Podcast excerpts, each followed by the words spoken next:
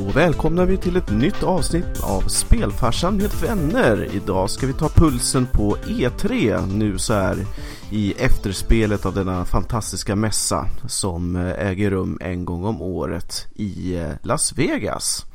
Hur känns det Peter? Alltså det känns extremt bra. Speciellt i år. Det händer mycket häftiga grejer. Ja. Uh, nej, jag, jag blev faktiskt lite imponerad, det får jag säga. Ja, och eh, för den som har bott under en liten sten eller inte känner till vad E3 är så kan vi då berätta att eh, e E3 står för Electronic Entertainment Expo och är en eh, branschmässa kan man väl säga. Från början så var det ju som en liten get together för att eh, spelindustrin för kunna ja, leverera sina spel, prata om saker som skulle komma, visa trailers och sådär. Men det har ju vuxit till ett världsomspännande koncept där hela branschen eh, kulmna är under de här eh, tre dagarna då under den här mässan. Jag startade 1995 så att det har varit igång ett tag, 21 år. Det känns väldigt länge när du säger sådär men eh, det, det känns ändå också som någonting som man faktiskt kommer ihåg att man har varit med mm. och lyssnat till länge. Och det som också har, ehm, det har ju förstås utvecklats då över tiden. För från början så var det bara för eh, pressfolk. Men sen eh, 2015 så började man även ha så att man hade en dag som var för pressfolk enbart och sen så började man släppa på eh, publik i form av vem som helst som ville ja, titta på det här spektaklet. Då. Så förra året hade du 52 000 besökare. Så det säger ju lite grann om hur pass stort det här är. Det kunde nog varit fler också om det bara hade gått att få in folk. Jo, det, är, visst det är är nog så. ingen brist på gamers som drömmer om att få åka till E3. Nej, eh, men då ska man ändå säga att E3 är ganska litet om man jämför, alltså besökandemässigt, så om man jämför med Tokyo Game Show till exempel. Mm. Men eh, å andra sidan så brukar ju E3 vara väldigt, väldigt påkostat. Det brukar vara riktigt coola montrar och schyssta grejer och sådär. Det känns ju som att de har insett värdet med en bra närvaro på den showen. Ja, alltså du kan ju inte släppa en uh, riktigt stor AAA-titel utan att ha först hypat den på E3. Det går ju liksom inte. Nej, det har ju faktiskt blivit att det ligger på den nivån numera, vilket är ganska häftigt. Mm. Och det är ju också så här, E3 har ju varit en sån där liten barndröm att få åka på. Alltså jag kan helt ogenerat säga att det är en lite av en vuxendröm också. ja, jag skulle också verkligen vilja åka dit. Det skulle vara pricken över isen kan jag tänka mig att det är väl eh, vi har väl sina baksidor också med mycket folk förstås, mycket trängsel, långa köer och så vidare och så vidare. Ja, alltså det är säkert lite så här barnsligt tror att man får fram och leka med alla nya leksaker och se alla nya spel. Men jag tror just att själva känslan av att vara på en sån stor show och ett sånt stort evenemang som mm. cirkulerar kring ny teknik och spel och sen mm. ny teknik i spel är nog ganska häftigt att ha fått vara med om en gång. Ja, då kan vi ju livestreama därifrån också. Det får man ju nästan lova att om vi någon gång tar oss dit så, så kommer det hända. Ja, vem vet nästa år kanske. Man mm. ska aldrig säga aldrig. Inte alls. Ja, och som vanligt då så är det ju de eh, stora drakarna som håller i de stora seminarierna. Det är ju förstås eh, e, vad säger EA och Sony, Microsoft, Nintendo. Eh, sen har ju de stora spelhusen också sina privata visningar. Eh, så som tidigare till exempel Rocket Star och eh, eh CD Red Project och med flera mm. med flera. Vi tänkte ju som sagt att vi ska försöka sammanställa en liten resumé idag om vad som faktiskt hände. För det hände ju en del spännande saker även om folk i allmänhet kanske pratar om ett mellanår och inte riktigt samma bomb som det var förra året. Nej, eh, det fanns ju en del specifika stora nyheter förra året som är väldigt svårslagna får man väl ändå säga. Men om man plocka bort just de sakerna så tycker jag nog att det här året höll sig ganska bra överlag. Ja, alltså jag tyckte det var bra kvalitet rent allmänt sådär. Det, det var precis som du sa, det kanske inte var överraskningarnas år riktigt som det var förra året. Men eh, det kom ju en solid massa av eh, högkvalitativa titlar som är på gång. Det är ju inget mm. snack om saken. Eh, men jag tänkte att vi hoppar in i EAs monter till att börja med och eh, prata lite grann om eh, deras stora kassako då förstås som Battlefield 1 eh, släpptes, eller släpptes och släpptes men vi fick titta på det i alla fall. Ja, eh, vad ska man säga? Gå ifrån konceptet är det väl ändå eh, med tanke på att man hoppar tillbaka i tiden helt plötsligt. Mm, precis, man är nästan tillbaka i rötterna i Battlefield 1942 även om det nu är 41 eller vad man nu ska eller ja, inte riktigt 41 men eh, första världskriget. Precis, det är till och med tillbaka är det, 1918 mm, och harvar runt. Något sånt i alla fall. Och rätta mig om jag har fel, men det här är väl egentligen första AAA-titel som någonsin har varit i det kriget? Det är det väl. Jag tänkte säga att uh, Medal of Honor har besökt första världskriget, men jag tror inte det. Eh, du har Nej. nog rätt i det. Och det är någonting som jag och många andra gamers har pratat om i jämna mellanrum att varför har de aldrig varit där? Och min gissning är väl antagligen att det skulle varit rätt tråkigt med tanke på att det var skyttegravskrig 80% av tiden. Ja, dels det och dels är det ju också så att i och med att andra världskriget blev en sån stor grej så liksom försvann första världskriget in i historiens brus på något sätt. Ja. Så att det har ju inte alls fått samma genomslagskraft. Jag lyssnade på en dokumentär just om första världskriget i samband med det här och det är, det är svårt att få gehör. Det är just hur många filmer kan du säga på rak arm som utspelar sig under första världskriget? Ja, svårt att komma på mer än på västfronten, inte ett nytt faktiskt. Ja, precis. Så det är ju det finns ju hundratusentals, höll på att säga, dokumentärer och filmer och så just om andra världskriget. Så att... Ja, men så är det Men eh, om man då bortser lite grann ifrån den historiska eh, upptrappningen till det här så om vi tittar på själva spelet i sig. Vad var din spontana reaktion till det hela? Jag hoppas att det blir bra. Jag har ju spelat deras vanliga Battlefield-spel väldigt mycket eh, och tycker det har funkat bra. Men innan man får se lite mer så här kött på benen om hur det funkar så kommer jag nog välja att vara positivt men försiktigt positiv. Mm. Jag tyckte ju att eh, konceptet såg bra ut. Eh, jag tyckte att det verkar som att man har en välbalanserad mix utav eh, enheter och klasser och sådär så som att de har gjort en del förfinat konceptet en hel del speciellt med spawn points och karta och sådana saker. Ja, eh, så att det kändes ju som en polerad eh, variant utav Battlefield 4 då. Men det, det självklart skulle de väl alltid göra höll jag på att säga. Det skulle vara konstigt annars. Men eh, jag tyckte att eh, det här med luftskeppet var en lite rolig grej också. Att det finns som ett, liksom, som ett trumfkort. Ja, om... jättestora zeppeliner ja. Mm, precis. Men det har de väl snott lite grann från eh, Star Wars-spelet. Eh, där man har de här um, walkerserna och lite sådär som blir som en del av själva uppdraget. Battlefield har ju alltid varit väldigt fokuserat på fordon. Eh, så har det varit både i trean och i fyran att det har varit mycket flygplan, mycket helikoptrar, mycket stridsvagnar och underliga fordon som åker omkring. Mm. Och jag antar att det här är väl ungefär så långt man kommer om man ska ha stora fordon i eh, ett spel som utspelas under första världskriget. Då är det ju de här jättezeppelinarna som är mm det enda att välja in. Ja, det fanns ju förstås tanks och sånt där också, men... Eh, Absolut, men jag tänkte just på eh, stora saker som, ja. som flyger. Men de hade ju lite stridsvagnar och de hade lite vanliga träflygplan som, som mm. flög omkring. Och, så att de dyker säkert upp. Ja, sen var det lite så att jag tyckte att det kändes som... Det såg jättebra ut, fantastisk grafik, eh, mm. ganska polerat och så. Men det kändes så här lite varför då? Lite så här, det, det här ju redan gjorts någonstans, tyckte jag att det kändes som.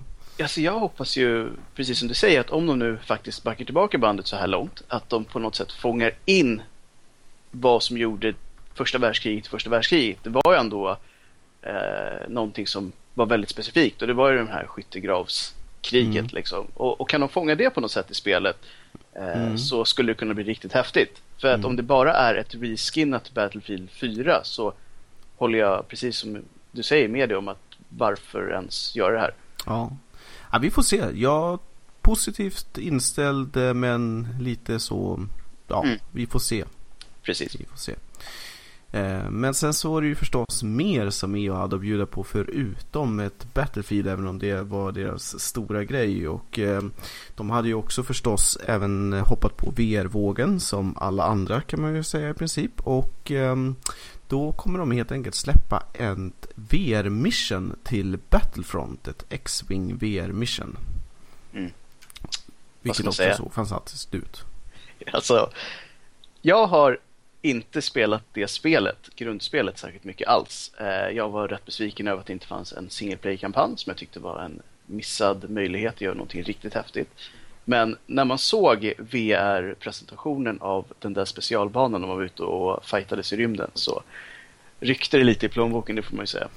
Ja, precis. Jag tycker att eh, det påminner lite grann om eh, Valkyrie som eh, CCP eh, har släppt mm. som VR-spel. Men absolut, eh, jag tror att eh, det måste varit en enorm känsla i det hela.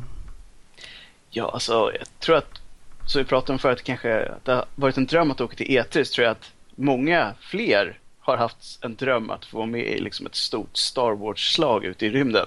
Mm. Det var väl mångas gamerdröm som äntligen liksom visualiserades. Ja, för just så, så här, som X-Wing och flyg och sånt där är ju så, ska vi kalla det, lämpat för VR i och med att det blir naturligt att du sitter still.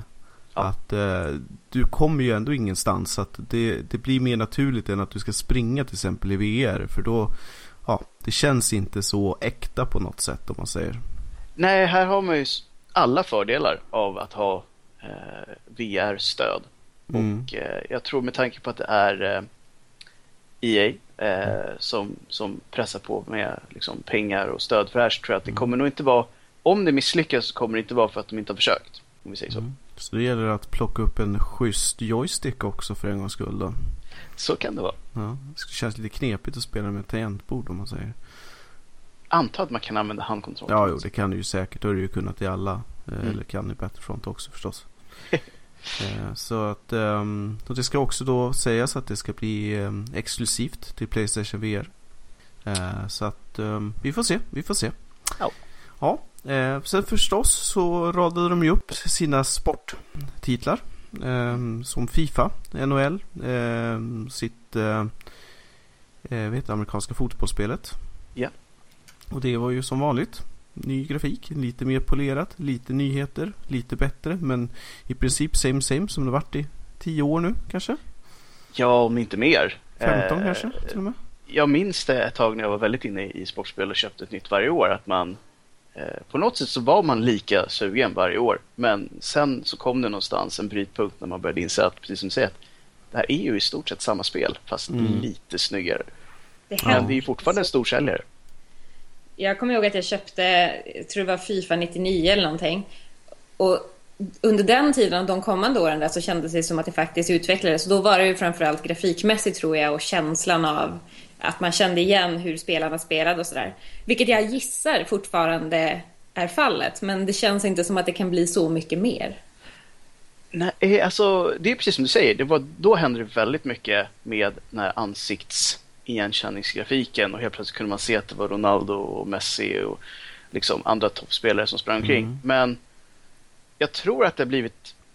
Min känsla är att det har gått lite från att vara ett kanske mer arkadmässigt spel där man sparkade runt bollen och gjorde mycket mål till att det nästan blivit lite mer simulator-tyngt. Mm. Man måste grinda mycket frisparkar och hur man slår bra passningar och så vidare. Och så, vidare. så jag tror det kräver lite mer faktiskt nu att komma in i Fifa till exempel än vad det gjorde för 5-10 år sedan. Ja. Det tror jag också.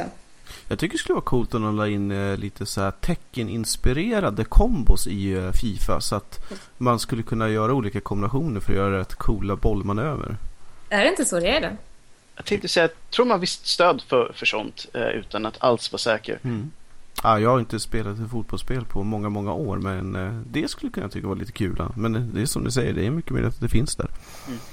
Ja, det är ju inget snack om att det är en jättekoloss rent eh, säljmässigt. De här liksom Fifa och NHL säljer ju helt enorma siffror ja. varje år. Och det som jag tycker är så jäkla coolt eh, med tanke på att man själv har en viss IT-bakgrund och sånt där. Det är ju hur de lyckas släppa ett varje år. Att bara få ihop produktionen är ju helt fantastiskt egentligen.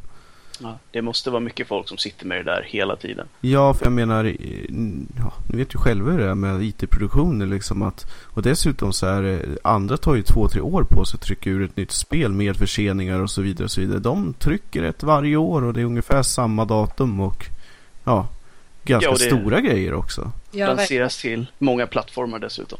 Ja. Ja, bara det. Mm. Ja, det är häftigt. Och nu blir det reklam. Jaha Peter, där står du och testar ostnyheter. Ja, efter att man har hört på E3 så blir man ju lite äventyrlig och måste testa lite nya ostar helt enkelt. Mm. Vill du också ha en kisig upplevelse, kom ner till Lasse Tes i Rissne. Ja, ska vi hoppa över i Sonys hörna då? Ja. Mm. Vad eh, var ditt favoritspel då som Sony visade upp? Um, jag tyckte att hela deras show var helt fantastisk. De hade ju alltså en live-orkester ja. som spelade under hela eventet. Och, nej, det var så häftigt. Mm. Det var magiskt. Streamen var riktigt, riktigt schysst att kunna få följa det också på eh, hemifrån soffan om man säger. Ja, precis. Det är en av de få eventen som det var värt att liksom stanna upp riktigt sent att se. Eh, kan mm. jag tycka i alla fall. Ja, när var det de startade? Det var väl tre på morgonen och sånt där va? Tre på morgonen började mm. och sen höll de på i ungefär en timme och 20 minuter. Och mm. nästan bara in-game eh, presentation också. Väldigt lite liksom, allmänt prat. Väldigt lite prat. Jag tyckte det var en väldigt bra presentation. Ja. Verkligen.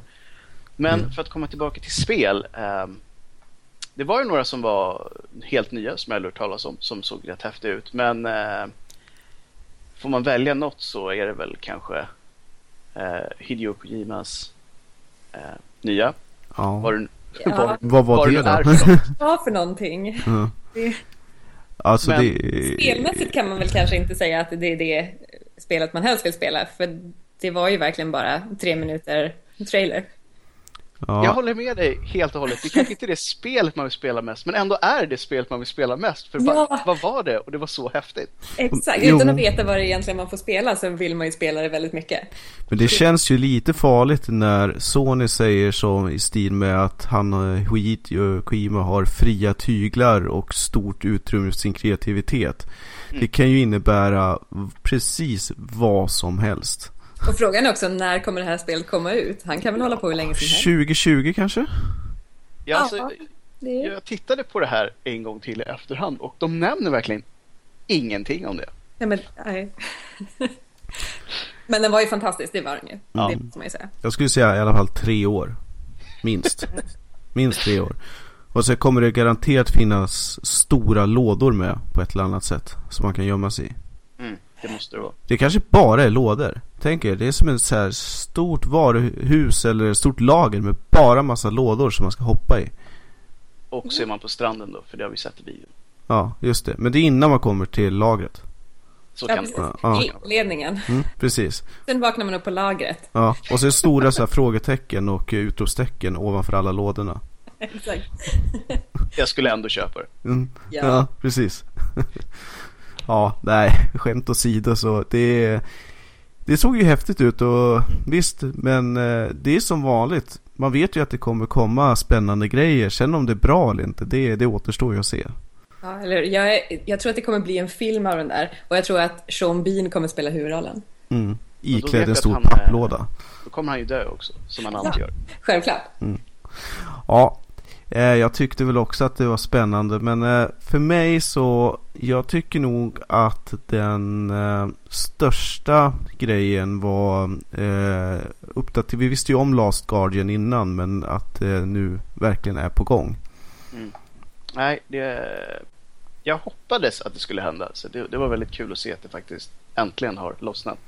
Ja, för det känns så det är så subtilt men ändå så mycket själ i det här spelet. Eh, och I alla fall om man då tittar på, på föregående spel. Att det, det är så här, um, ja det är en resa att spela det. Mm. Nej, det... Jag hoppas verkligen att det blir så bra som, som man fick en känsla av att det skulle kunna bli. Ja, det här är lite mystiska, lite pusslandet, lite eh, livsskåde frågesättandet och liksom, ja, det har allt men samtidigt så är det ju det här att man Det är ett sånt spel som man måste verkligen vara på rätt humör för att spela. Du kan ju inte bara ta upp det och sen ja Det är klart att du kan men jag tror inte du får ut av det samma sätt om du inte är i rätt sinnesstämning när du spelar det. Nej, det är väl på något sätt lite mer svårtillgängligt kanske eh, om man bara kommer hem en dag efter jobbet. Men jag tror, har man liksom rätt, rätt humör så, så kan det bli väldigt, väldigt bra. Mm. Mm. Men jag Vad kan... tyckte ni om God of War då? Ja, ett God of War till. Ja. Ja, lite så. Hans son tar över, verkar det som. Och han var Ja. minst lika arg. Ja, Ja. exakt. Jag minns inte att det var så berättande i de tidigare spelen. Alltså det började ju nästan som någon slags avsnitt från Vikings eller något liknande. Då de var ute och jagade saker i skogen och han var allmänt stenhård och sådär. Nej, ja det har du väl rätt i men eh, de här eh, aggressionsproblemen finns ju kvar i alla fall i, i familjen. Ja, de verkar ju om något gå i arv, får Mm. man väl säga. Precis. Jag funderar på om man skulle behöva lite KBT. Mm, inte omöjligt. Däremot så eh, blev jag lite sådär småsugen på att faktiskt eh, skaffa det här spelet. Jag har inte alls kört de tidigare spelen okej. mycket. Utan eh, det här såg både snyggt ut men sådär episkt på rätt sätt. Mm. Ja, alltså det har ju inte varit något fel på estetiken eller dramaturgiska effekterna i tidigare spel. Så att det, det såg ju lovande ut. Mm. Jag tycker nog att det, det blir säkert ett jättebra eh, action-plattformspel. Liksom, som, Och såg väldigt påkostat ut. mm. Men jag kan tänka mig Linda att eh, din favorit eh, måste ju varit eh, det nya Resident Evil. Det var ju väldigt spännande att se det i alla fall. Nu har inte jag testat att spela den här demon som man kunde ladda ner och spela. Men eh, jag, jag tror ju stenhårt på det här, men det är ju mest för att jag vill tro på det så himla mycket. Så vi får väl se hur det går. Mm. Men Peter, du testade att spela den, eller hur? Ja, Eh, det är ju ungefär 20 minuter som man får eh, spela sig igenom. Och det är precis som det de visade på E3. Väldigt oklart egentligen vad man håller på med. Man, man börjar i ett väldigt nedgånget hus egentligen. Och så får man gå omkring där helt på egen hand. Eh, inga vapen, ingen förklaring. Man hittar lite obehagliga grejer i huset. Man får lite flashbacks av att några har varit där tidigare och sen precis i slutet så händer massa liksom, snabba jump scare moments och man blir lämnad med en cliffhanger i stort sett. Mm, det kändes inte som att man förstod riktigt backstoryn. Inte alls och då körde jag ändå igenom hela. så att, Så bara det kanske blir spännande att se om det... är någon- Det har ju kanske inte varit överlag så himla bra för Resident Evil tidigare heller. Men det har ju varit mysiga backstories, men inte, inte kanske så himla bra.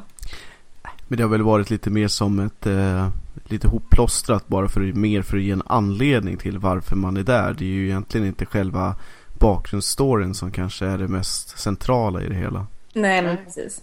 men den här gången så kändes det som att det kanske är det. För att man fick ju ingen känsla av att man var någon sån här liksom polis eller militär eller något sånt där. Utan det kändes mer som att man var fel person på fel ställe. Mhm. Eh, och mer sådär obehagliga vibbar än zombie coming to eat your brains vibbar. Ja, eller jag kände lite grann att det nästan, de föll nästan över i Silent Hill. Och det, jag vet inte om det var för att de hade en sån här spelbar eh, demo, eller om det var för att man var en random kille, eller om det var den här video, att man hade, kunde se på tvn på någon videoinspelning. För allt det där är ju liksom saker som man har sett i Silent Hill. Ja, jag fick så här starka vibbar av eh, Seven, den filmen. Alltså såna här obehagliga, någonting har hänt här, hemska områden och lite så här Blair Witch Project. Här är en konstig handkamera, oj titta här händer det äckliga saker förut. Är det bra eller dåligt? Jag vet inte, alltså jag har verkligen svårt att bestämma mig. Jag, det var genuint obehagligt och det såg väldigt väl, ja vad ska man säga, byggt ut. Men sen är frågan om de har gjort ett väldigt bra skräckspel eller om de har gjort ett väldigt bra Resident Evil-spel. Det vet jag fortfarande inte. Precis, det är två väldigt olika. Men eh, eh, på tal om eh, genuint läskigt så tyckte jag det här andra spelet som de presenterade som var ett skräckspel som hette Here They Lie. Mm. Mm, Tyckte jag verkade väldigt mysigt. precis, och då är det mysigt på det sättet som vi pratat om i tidigare program. Sjukt obehagligt. Exakt. Mm. Ja men det är ju det är kul att bli skrämd höll jag på att säga. När det görs på rätt hur. sätt. Ja. När de lyckas och man verkligen blir rädd och man det, ja men det här mysrär, jag kan inte riktigt förklara den här känslan men, men ni vet ju exakt vad jag menar. Mm. Men he, allt går ju ut på att man är ute söndrar adrenalin. Det är ju det man vill åt på ett eller annat sätt. Dopamin eller adrenalin. Ja. Nej men så är det ju verkligen. Uh, sen fanns det ju också, um, vad var det? Uh, det var något spel som man red omkring i någon postapokalyptisk värld som någon typ. Just det. Var man en tjej? Ja, man var en tjej med jättestor pilbåge som sköt på robotar. Det var den här Horizon Zero Dawn, Dawn va? Eller? Ja, jag tror att det var det det hette. Det mm. tyckte jag såg jättehäftigt ut. Även ja. fast man egentligen inte heller fick se så mycket mer än att hon eh, skulle ta sig genom en dal och det var massa robotar som hon jagade ner med sin pilbåge. Ja, och man, hon red på någonting som var lite halvmekaniskt såg det ut som. I en ja. jättefin gammal eh, värld, en miljö som var fantastiskt vacker tycker jag. Ja, det, jag blev sugen på en gång och jag har aldrig hört talas om det här innan. Nej, inte jag heller. Så de lyckades verkligen med en bra presentation där. Ja, ja det tycker jag verkligen. Sen tycker jag också att det här eh, Detroit Become Human verkade jättespännande. Ja, just det. Var det den här uh, där man kunde välja massa olika vägar? Ja, exakt. Man skulle göra en massa... Man var ju... Världen bestod väl av en massa rob eller androids mm. eh, som gick rogue och så skulle man eh, förhandla med de här så att de inte gjorde dåliga saker. Jag tror att det klippet man fick se var ju en android som stod på taket med en, en liten flicka och hotade med att hoppa. Just det, man var den här som skulle snacka ner honom från taket. Exakt. Eller typ mm lägga ifrån sig vapnet.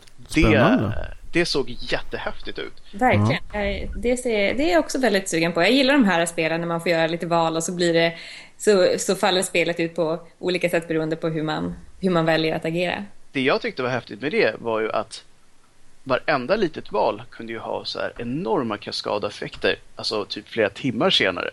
Ja. Och man kunde dessutom ljuga för folk, vilket kändes så här, om de får till det här så är det ju riktigt, riktigt coolt. De hade ju någon sån här klipp där man lovar den här som har gisslan att om du bara lägger ifrån dig vapnet så får du överleva. Ja. Och så har man typ samtidigt möjlighet att bara vinka in någon sniper som skjuter honom men så fort han lägger ifrån sig. Då var det så här att då ändrades videon till att han sa typ men du lovade innan han trillade ner från taket. Det var så här. Ja. Det var så häftig grej. Mm. Ja, verkligen. Jag tänker att det där kan man ju spela om hur mycket som helst antagligen om man vill mm. få testa alla olika utfall.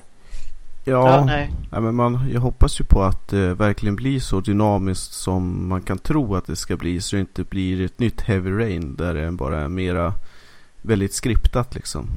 Ja, alltså det de presenterade såg häftigt ut och det är väl ungefär dit jag vill sträcka mig. Jag hoppas verkligen att det blir det de sa. För att då verkade det vara så här uh, extremt mycket dialog som var bra gjord och allting spelar vidare på liksom nästa grej man gör. Och det är verkligen, det skulle vara första gången de har lyckats med en sån grej. Ja. I ett helt spel. Ja, de har ju varit där och touchat lite på, på det här konceptet men inte mm. riktigt fått igenom det så att det känns som att hela spelet verkligen är eh, beroende av allt man gör. Nej, precis. Nej, det man har ju varit nära ett par gånger till exempel i Witcher-serien och eh, till ja, Mass Effect och Fallout och lite sådär. Men mm. det har ju Det har alltid varit lite som att du har val A, B och C och då får du effekten D, E, F i princip. Mm. Och sen fick jag också lite känslan av att till skillnad från de här ja, Mass Effect och Dragon Age, de här spelen, att det var mer tyngd på interaktion och dialog än på att det var dialog mellan actionsegmenten. Mm. Vilket också är lite häftigt, att de vågar ta ett spel och lägga det på den sidan planhalvan. Att det inte bygger mm. på att man har häftiga vapen. Liksom. Ja, så länge så att det inte blir som ett nytt Metal Gear Solid 2 eller någonting i den stilen där det blir fyra timmar film och en och en halv timme på sin höjd eh, spel. Nej, precis. Det finns ju den där balansgången där och en del har ju trillat ordentligt ner på fel sida tidigare. Så att, mm. nej, jag så här, hoppas verkligen att det här blir bra. Ja. Men på tal om film så tycker jag när man tittade på många av de här speltrailersarna så är det ju verkligen, det är ju filmiska trailers de gör nu. Ja, det har hänt mycket de senaste åren. Ja men det har ju gått ditåt att det är, um, vi är ju på väg mot interaktiv film i någon mening när grafiken närmar sig mer och mer uh, det ska vi kalla fotorealistiska.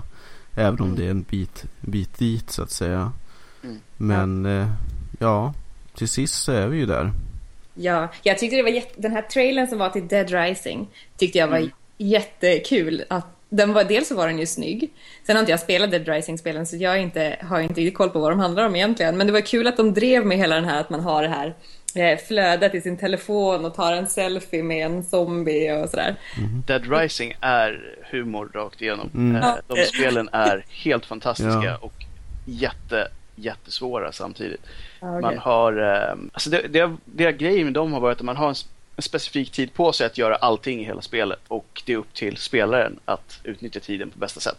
Och sen finns det hur mycket zombies som helst att ha ihjäl på olika sätt under tiden. Jag tycker fortfarande det är så konstigt att man inte har gjort fler spel där man utgår från att man faktiskt är zombie. Helt och hållet. Det är sant. Mm. Och bara så här äh, ska glufsa i sig så mycket människor som möjligt.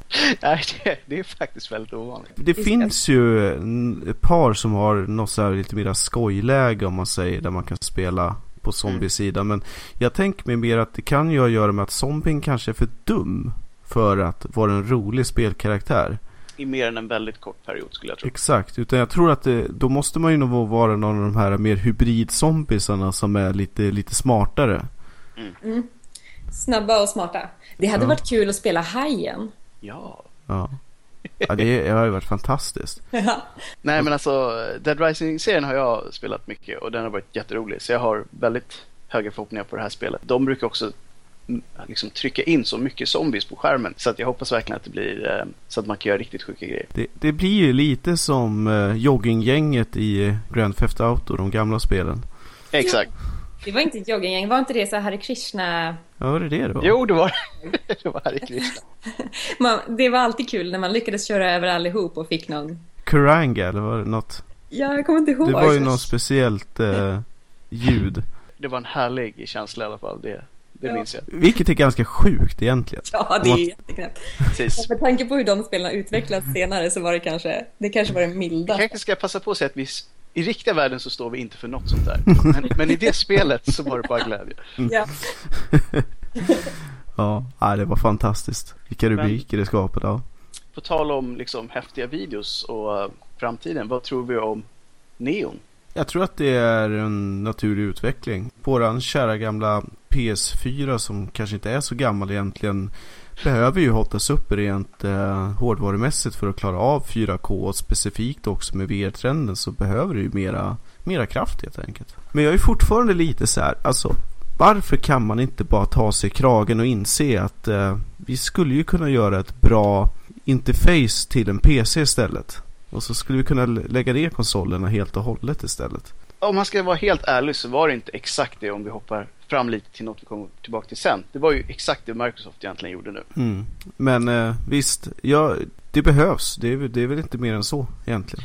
Nej, och vad, vad ska vi tro om det de sa att alla spel kommer vara spelbara både på PS4 och Neon? Är det någonting som vi tror att de säger nu och sen går ifrån när den väl kommer? Eller tror vi att de verkligen lägger så mycket tid och kraft på det här att det faktiskt kommer bli så? Jag tror inte att PS4 orkar med Sony VR. Inte en chans alltså. Jag kommer ju vara genuint irriterad. Jag har inte ens packat upp min PS4. Och du kanske aldrig gör det heller. Nej. Nu är det ingen idé längre. Jag, jag håller med dig Oskar. Jag tror att det var mycket snack som lät bra. Mm. Men när det väl började levereras till Neon. Ja, för att jag menar på de vanliga spelen om, inom situationstecken. Där kan du ju alltid bara skala ner grafiken och köra eh, åt- eh, 1080p och eh, vara nöjd med det. Och det kommer säkert funka alldeles utmärkt. Men när du ska sitta med åtminstone 1440 eller något liknande i varje öga. Det är Mm. ju så att eh, liksom en två år gammal svettig gaming-rigg liksom pustar och stånkar och liksom 30 fps på sin höjd. Och det ska ju sägas att du måste ju upp där i 60 fps annars du blir ju sjösjuk direkt. Om Ja, du har för taskig upp, uppdateringsfrekvens. Det är inte lätt att få den prestandan och inte dessutom att den håller över liksom tid. Nej, så att eh, det som jag är mer fundersam i det här fallet är hur, eh, vad kommer det kosta? Jag tror inte de nämnde någonting om det överhuvudtaget. Och Nej. det var nog säkert helt medvetet. Ja, för att jag tänker mig att det är ju fortfarande ganska dyra komponenter. Må vara att de är specialbyggda för att eh, bara en sak och så vidare och så vidare. Men Mm. det är ju, tittar vi på PC-sidan och du vill ha 60 FPS i till exempel Witcher 3 i 4K. Då är det ju två stycken 1080 och då landar det ju på en 15 000 spänn eller någonting bara i grafikkorten. Ja, utan att svettas så Ja. kommer man ju upp i en rigg som ligger 30 plus bortom liksom. 30 utan vidare. Och det kommer de aldrig kunna sälja en konsol för. Det kan man ju säga på en gång. Nej, det skulle vara intressant om de försökte. Alltså jag kommer ihåg när bara PS3 kom så låg den på runt 7 tror jag. Ja. Mm. Och då var man ju helt så här, men gud, hur kan de, hur, vad tror de, vilka ska köpa det här? Ja. Men sen var det ju ändå folk som, det gick ju, men det gick väl inte så bra va? Nej, alltså den kom ju ner i pris efter något år. Men, Mm. men 7000 fick ju rätt många att reagera i alla fall. Mm. Med tanke på att det var nästan dubbelt upp mot vad 360 Och så kostade. tänk på att du ska köpa en VR-hjälm till det också. Exakt, de, bara de, vad var det de skulle kosta i, USA? Det var 400 dollar. Mm. Det kan nog låta rimligt. För jag tänker mig att eh, HTC Vive ligger ju på 9000 någonting sånt. Och eh, eh, Oculus skulle ju gå loss på 799 va? dollar. Precis. Ja. Jag menar, vi, vi tittar ju på hårdvara på en eh, 15 000 lätt i alla fall. Och sen ska man köpa lite spel till det också. Ja. Så, vi skiter i det och så rullar vi upp ett gammalt NES istället. Och sen så njuter vi av det istället. Det får bli en sån här en klassfråga i gamingsfären. Ja. Jag, jag njuter av mitt NES varje dag. Nej, SNES faktiskt. Om jag ska Mm. helt... Och det är inget fel med det. Nej, precis. Nej. Jag, ska, jag ska sitta och sura och säga att det var bättre förr, hela tiden. Det säger vi alltid. Mm. Det står vi för. Ja, däremot eh, ett annat spel som jag var faktiskt blivit mer och mer pepp på ju längre tiden har gått, förutom vissa detaljer kanske, det är ju Final Fantasy 15. Mm. Som Ja. vi fick se ännu mera gameplay ifrån nu.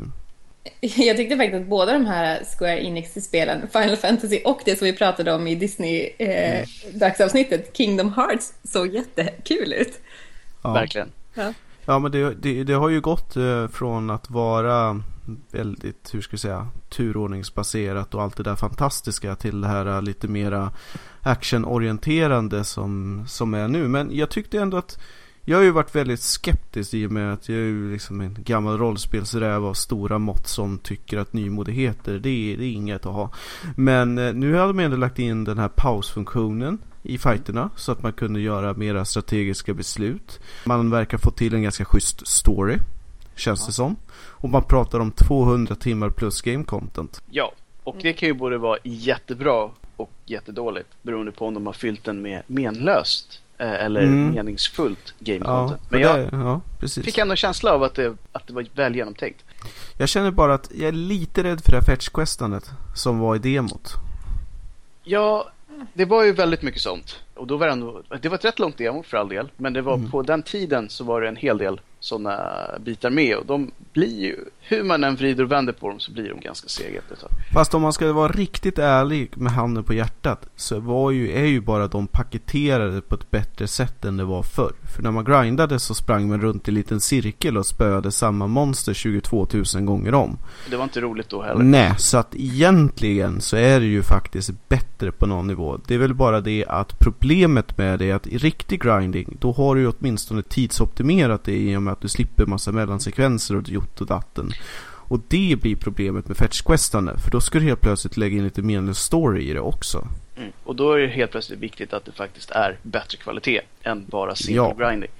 Så att förhoppningsvis har de tonat ner det lite Mm. grann. Eller gjort på något smart sätt. Att de behåller den här... äh, För stilen är jag helt kär i. Alltså det känns som Final Fantasy 8 på steroider.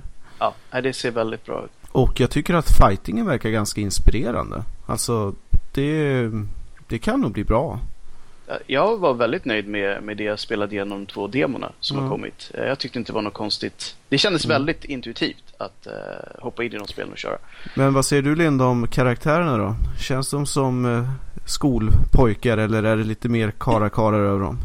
Jag tycker det är svårt att bortse från att de är som skolpojkar. Mm. Men... och kanske mer och mer nu när tiden går. Ja. Ja. alltså om man ska vara helt ärlig så har de ju väl hållit sig till relativt unga Ja, huvudpersoner men det har det väl alltid Ja. varit. eh, men det är ju... rakt igenom. Mm. Det är väl liksom en av deras signum eller vad Ja, ja men det är ju hela anime-arvet. Mm. Du Ja. gör ju inte liksom en eh, 40-50 plus eh, Nej, så det jag tänkte komma till var att man kanske hade blivit besviken om de faktiskt hade gått ifrån det. Sen så det jag tycker är så kul med japanska karaktärer överlag, det är att de oftast är väldigt androgyna. Mm, verkligen. Vilket är, eh, det är väl trevligt i sig liksom, men eh, det är, det, är lite fascinerande för att om man skulle titta på till exempel amerikanska spelserier eller liknande så är det väldigt, antingen är det väldigt macho-macho eller så är det Mm. väldigt kvinnligt-kvinnligt liksom. Det här eh, mellantinget, Mm. det existerar ju inte egentligen. Nej, det är faktiskt sant. De har ju sin stil Mm. och den tar man inte miste på när man ser den. Nej. Men även där hade de ju smugit in lite VR. Just det. Ja, jaha, just det. Eh, Och det får man ju faktiskt se hur det funkar. De hade ju gjort nästan som en skojsekvens för de pratade ju med användaren när de sprang omkring och eh, fightades med någon monster. Mm. Så att eh, vi får se om det verkligen är någonting som dyker upp på riktigt och om det nu gör det, hur, hur tänkte de få det att funka? Ja. Nej, men signumet har ju varit VR genom hela E3 i år. Det är ju Mm. inte, det är ingen snack om det. I år händer det på något nivå. I alla fall åtminstone från ett releaseperspektiv. Så får vi väl följa upp och se hur, hur det faktiskt blir. Mm. Men vi kommer säkert återkomma till ett mer ett renodlat VR-program lite längre fram. När vi väl har lite mer kött på benen så att säga. Tror ni att VR kommer vara bestående eller kommer det vara någonting som är coolt här och nu och sen kommer det crash and burn? Jättesvårt att säga så det kan gå vilken väg som. Jag skulle säga 50-50 chans. Däremot så känns det som att till skillnad från tidigare så går alla all in den här gången. Mm. Jag ska säga så här att vi säger att eh, även om marknaden inte är så sugen på att ta emot det här så kommer ju spelhusen och eh, industrin kommer ju tvinga oss att ta emot det. Ja. Men- Ja, men på något sätt känns det så. Ja, Jag är lite rädd för att det skulle kunna bli som 3D-film på bio. Mm. Ingenting som folk vill ha egentligen, eller jag är av den åsikten åtminstone, men ändå som måste finnas där. Det är visserligen ett sidospår såklart, men för mig är det nästan blir så att jag tittar på om det är någon som visar den utan 3D. Ja, ja, så är jag också. Ja, jag med. Jag tycker inte alls om 3D på bio. Nej. Men jag vet inte om det går att jämföra, men när Wii kom och när man skulle hålla på och svinga runt med den här kontrollen så var ju det, det var ju jättekul i början. Och sen efter ett tag så blev man så här, "Uff, gud vad skönt det skulle vara att ha en... Bara få sitta i soffan. och Mm. bara sitta still och spela. Ja men det är så att jag tror för vissa typer av spel så är det helt fantastiskt och kommer funka jätte, jättebra och så vidare. Men det går inte att applicera VR till varenda spelkoncept. Det funkar ju inte. Nej, exakt. Man måste verkligen hitta den nischen där det passar. Och sen så kommer man ju se, man kommer få en ny intressant grej. För man har ju pratat om musarm och eh, handkontrolls-slitskador i tummar och allt vad det är. Men nu kommer ju få, gamnacken kommer ju inte bli bättre utav VR-hjälmen direkt. Vad väger en sån där VR-hjälm ungefär? Ja, tillräckligt i alla fall. Jag har bara, jag vet inte exakt, men jag har ju provat en Oculus eh, DK2 tror jag vilken det var. Och det kändes ju så att man fick ju, nu har den blivit lättare tror jag i nya releasen, men man får ju kämpa lite. Mm. Mm. Och jag säger så här att efter 3-4 timmar, alltså det är, det är inte helt bekvämt. Alltså, gör man det varje dag dessutom så kommer det ju kanske bli riktiga slitningsskador. Det låter ju helt bisarrt så här gamingperspektiv, men det är inte omöjligt att det faktiskt kommer bli så där att de måste ha disclaimers på att man bara får använda dem i visst antal Mm. timmar i sträck. Visst alltså, du skulle ju säkert kunna luta dig bakåt om man säger och liksom mera Mm. halvligga lite grann. Men då måste du ju, jag tänker speciellt på PC, det är väl en sak om du har bara en handkontroll och latchar runt med. Men Mm. ja, det blir intressant. Ja, vi får se. Det är, jag tycker att det är coolt och det är en, eller en rätt bra tanke och så vidare. Men det, det jag funderar lite grann på det är att om det verkligen ska här för att stanna så gäller det ju att andra branschområden hänger på det här också. Mm. Till exempel virtuella eh, lägenhetsvisningar och allt vad det nu kan vara för någonting. Men vi får väl se. Ja, precis. Själva konceptet är ju superhäftigt. Det är det ju. Mm. Jag tror Ikea skulle hoppa på det här nu. Att man ska Ja. kunna planera sitt kök i VR. Ja, men vi får se. Vi får se. Om vi skulle ta och hoppa in hos Microsoft då. För de bjöd ju på show om inte annat. Det Ja. gjorde de. Om inte annat så har vi väl sällan sett ett stort multinationellt företag slakta sin egen produkt så hårt som Microsoft gjorde. Nej, jag blev nästan chockad över hur de sköt ner sin egen konsol. Och nästan liksom meningen efter de introducerade den också. Sådär att här är Xbox One S. Köp inte den om du faktiskt vill ha något häftigt utan vänta då med fördel ett par år till. Hur länge behövde man vänta på det här Scorpio? Vad är det, två år tyckte de sa. Ja. något sånt där. Precis. jag tror att de måste ju eh, trycka ur sig något ganska så snart ändå med tanke på att eh, Sonys konkurrens och alltihopa.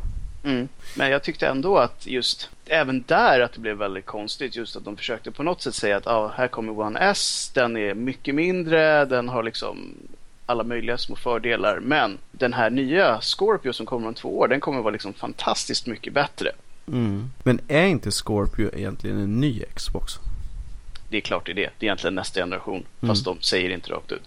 Nej, för det är det jag tänker mig att eh, det borde vara ett ganska naturligt drag utav eh, Microsoft att försöka trycka in en konsol före Playstation 5.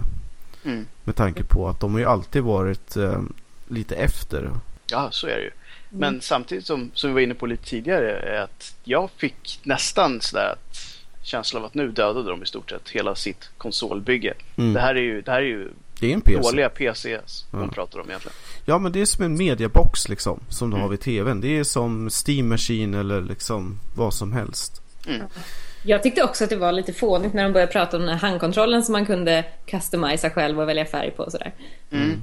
Men jag menar, om man har en konsol nu som de var väldigt tydliga med, som aldrig kommer ha exklusivt material överhuvudtaget.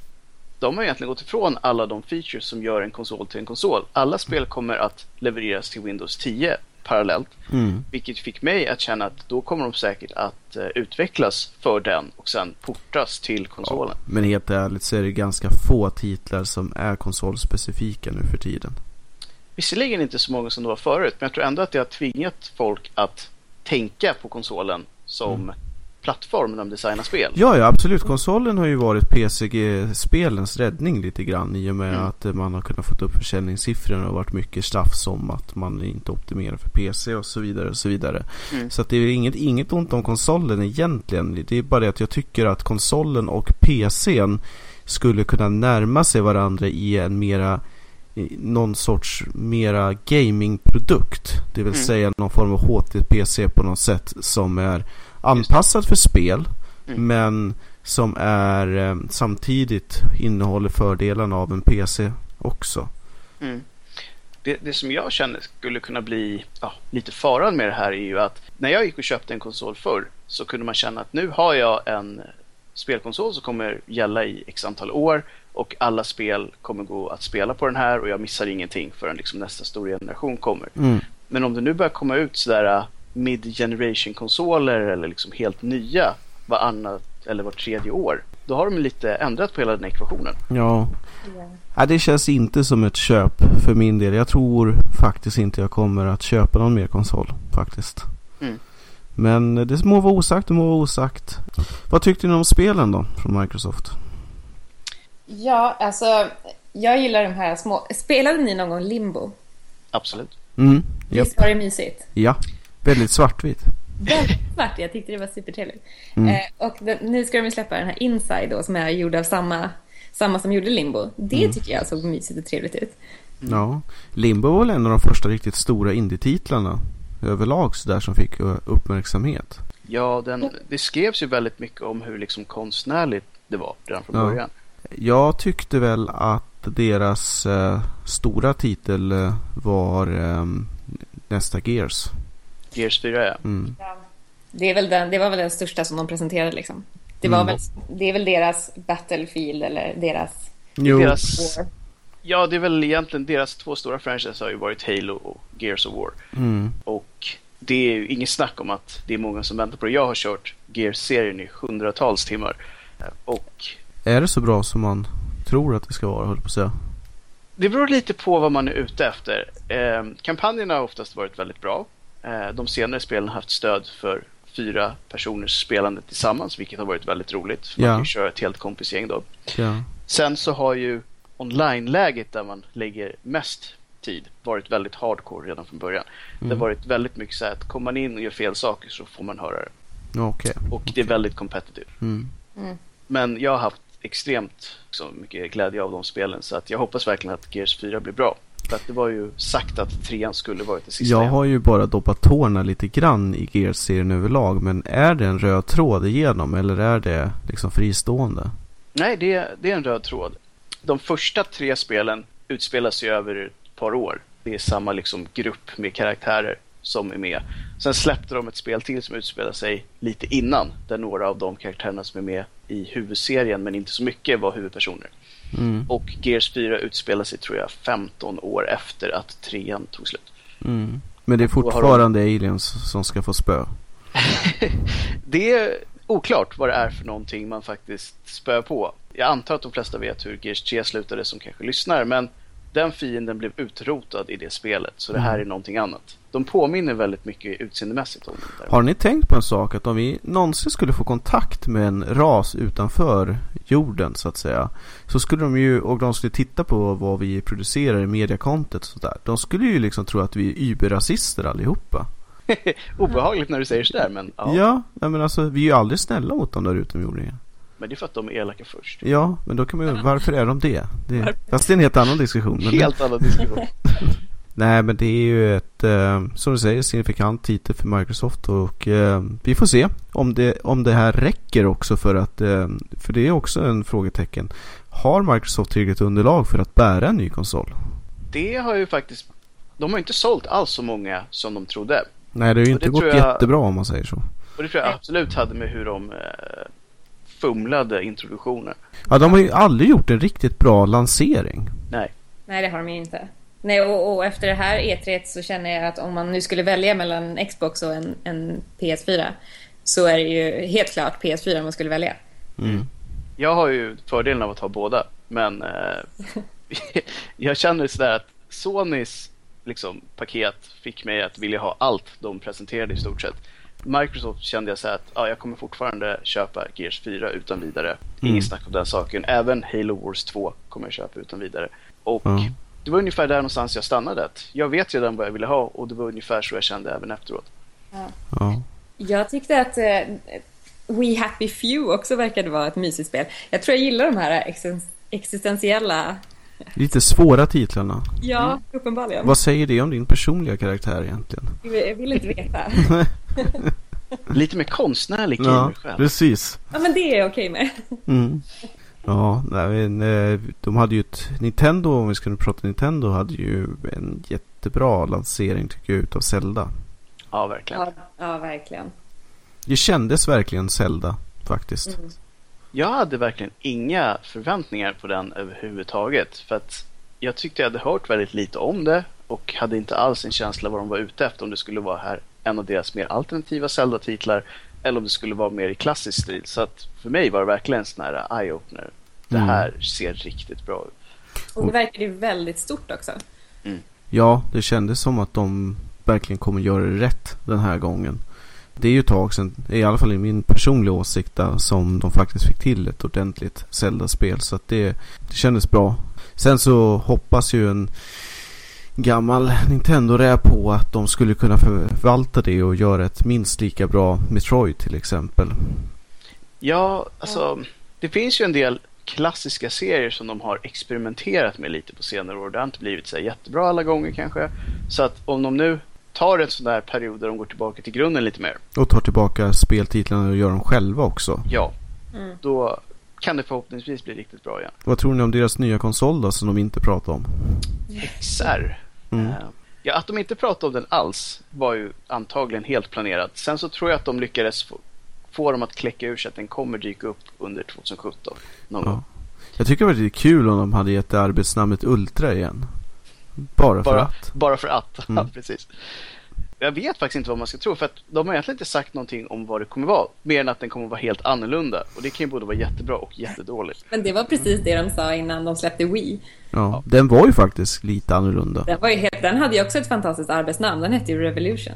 Alltså, det, var ju, just det. Det var ju lite Revolution också. Ja, vi är väl en av deras, är väl deras bäst säljande eh, konsol efter förstås DS och SNES och sådär. På ja, modern de tid. sålde extremt mycket. Ja, Ja. den var ju jättesvår att få tag på när de släppte den. Mm. Men Wii U har ju inte sålt bra alls. Nej, Nej. Men den, jag förstår, det enda som är skillnaden där är att man har den där jättestora handkontrollen med en skärm. Eller? Så. ja, och bättre grafik Lite förstås. Bättre, ja såklart. Men annars så var det ju, det var ju Nintendo Wii. Precis. Den är ju en handheld rakt av som skulle varit en jättestor feature. Men de flesta kopplar ju ändå upp den till tvn på en gång. Liksom. Ja. Ja. Nej, men det är ju... vi får se. Jag hoppas för Nintendos skull att de får göra en comeback. Det skulle vara kul. Alltså, hur man än vrider och vänder på det. Spelvärlden behöver Nintendo. Oh, absolut. Jag, jag är lite besviken på att det inte kommer någon fler. Jag tyckte de här Super Mario Galaxy var jättebra spel. Mm. Ja, det var de. De tyckte jag var härliga att spela. Nu kommer det väl ett, ett Paper Mario var det och sen ett Mario Party tror jag. Mario Party vet man ju ungefär vad man får. Eller på ja, det är ju inte jättekul. Alltså, det är ju, det är ju lite, lite spännande sådär och gulligt. Men det är, ju, det är ju inget spel som man längtar efter att spela på något sätt. Nej, precis. Jag tycker, men det kommer ju säkert ett renodlat nytt Mario. Det gör det ju självklart med ny konsol. Men uh, man vill ju se andra titlar följa upp. Till exempel ett nytt Mario Kart. Förstås. Ja, men ja. det borde det väl komma. Ja, och sen så med alla andra klassiska Nintendo-titlar förstås också. Men mm. vi får se. Vi får se. Ja, och sen ska man inte säga något illa om Paper Mario som faktiskt har varit väldigt bra tidigare. Men Absolut. det är ju inte ett Mario-spel inom citationstecken. Men om vi skulle runda av E3 lite grann här. Vad är era slutgiltiga liksom, känslor och kommentarer och sådär? Hur, hur var det? Ja, jag är helt nöjd. Det var mycket häftiga grejer på gång. Det känns som att alla är på gång med nya konsoler, VR och häftiga AAA-titlar. Så att jag blev väldigt positivt överraskad och även förväntningar som fylldes upp på ett bra sätt. Ja, eh, jag känner mig också. Det är ju eh, första gången jag faktiskt har kollat på E3 så här mycket, måste jag säga. Jag tycker att det var, jag tycker att det var bra presentationer. Framförallt tycker jag att Sonys presentation var, den var så snygg hela... Ja, hela... den var jättebra. Det var en show, verkligen. Ja, och sen var det många fler titlar än vad jag trodde att jag skulle tycka som verkade väldigt spännande att spela. Så att jag är verkligen nöjd. Jag tycker att det kommer bli spännande. Sen är det väl inte så många av de här titlarna som faktiskt har fått ett releasedatum heller. Så att... Men det är ju sällan som det är. Så att mm. det, det är väl lite E3s grej. Tisa lite. Ja, absolut. Man har någonting att se fram emot men man vet inte riktigt hur länge man måste vänta. Precis, men det är ju oftast för att titlarna är så pass ofärdiga så att det är svårt att säga om ett datum. Ja, men, men framförallt så tycker jag att det var jättekul att de presenterade ett Resident Evil 7 såklart. Ja. Ja. ja. ja, men med det så säger vi tack och hej för denna vecka. Hej hej! Hej hej! I nästa vecka ska vi prata film som har blivit spel och spel som har blivit film. Så ladda upp med popcorn så ses vi nästa vecka. Tack och hej!